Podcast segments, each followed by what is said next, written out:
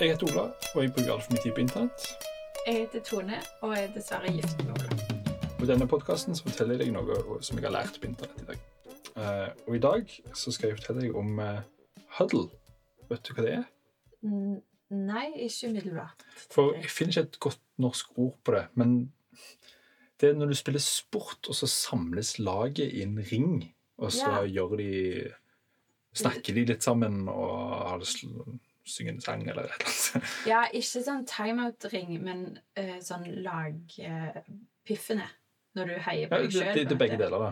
Begge deler er en huddle. Let's oh, ja, huddle det- up. ja, sånn, okay, så står man i ringen, og så bøyer man seg ned, og så snakker man sammen. Uh, vet du hvor, hvordan det oppsto? Nei? Nei. For det har jeg lært. OK. For det er uh, Hvor skal jeg begynne her, da? Det er en universitet i Washington DC i USA som heter Gallaudet University. Gallaudet. Ja. Okay. Å finne ut hvordan du uttaler det, er veldig vanskelig. Eh, fordi eh, jeg har jo bare lest om det. Eh, og så hvordan uttaler man Gallaudet? Ja. Da søkte jeg på videoer om Gallaudet University. Problemet med alle videoene om Gallaudet University er at de er silent. For det er en døveskole. Så de snakker ikke. Så de uttaler aldri. Så Jeg har gått gjennom nesten alt på nettsida deres. Jeg får de ikke til å uttale navnet på universitetet sitt. Å, det var veldig betimelig, siden å vite. Jeg vil bare vite hvordan du uttaler man Gallaudet, for det skrives uh, Galuett. Galuet. uansett. Um, dette er en døveskole, og de har et amerikansk fotballag, som alle skoler har.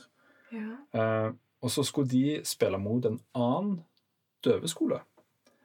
Eh, og da ville jo ikke de stå på banen og snakke taktikk, for det kan jo de andre se. Ja, å, For du kan jo Ja. se hva de sier, for du ser hendene deres, mens når man snakker, når man ikke er døv, så kan du ikke høre hva de sier. Mm. Eh, Så da måtte de skjule taktikkpraten sin.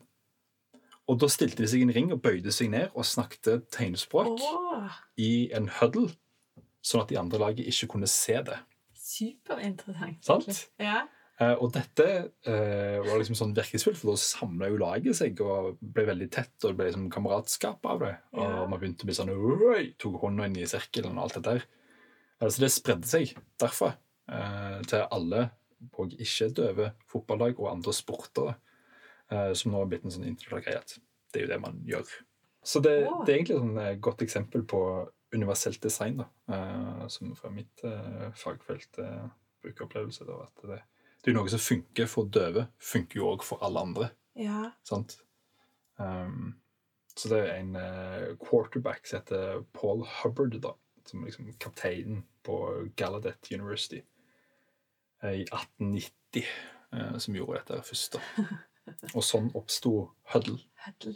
Men det er jo, så er det interessant at det sikkert har spredd seg òg fordi at den jeg tipper at den lageffekten som det har, som ikke var den tiltenkte effekten Mm. nå i oppstarten, da, òg har jo gjerne blitt med på å styrke det at det er viktig. For det er jo noe med den lagfølelsen den får. Men, Ja, og når man ser de norske håndballjentene så Når de har timeout, så står de jo i en ring, men de står og snakker, og det blir jo filmet på TV, så det er jo ikke hemmelig hva de sier i det hele tatt. nei. Men når de går ut på banen igjen, så samles de alltid liksom med hånden i midten. Ja, ja. og gjør en, eh, en sånn team-ting ut av Det det. er sikkert også egentlig viktig sånn psykologisk for å um, skape den lagfølelsen. Mm.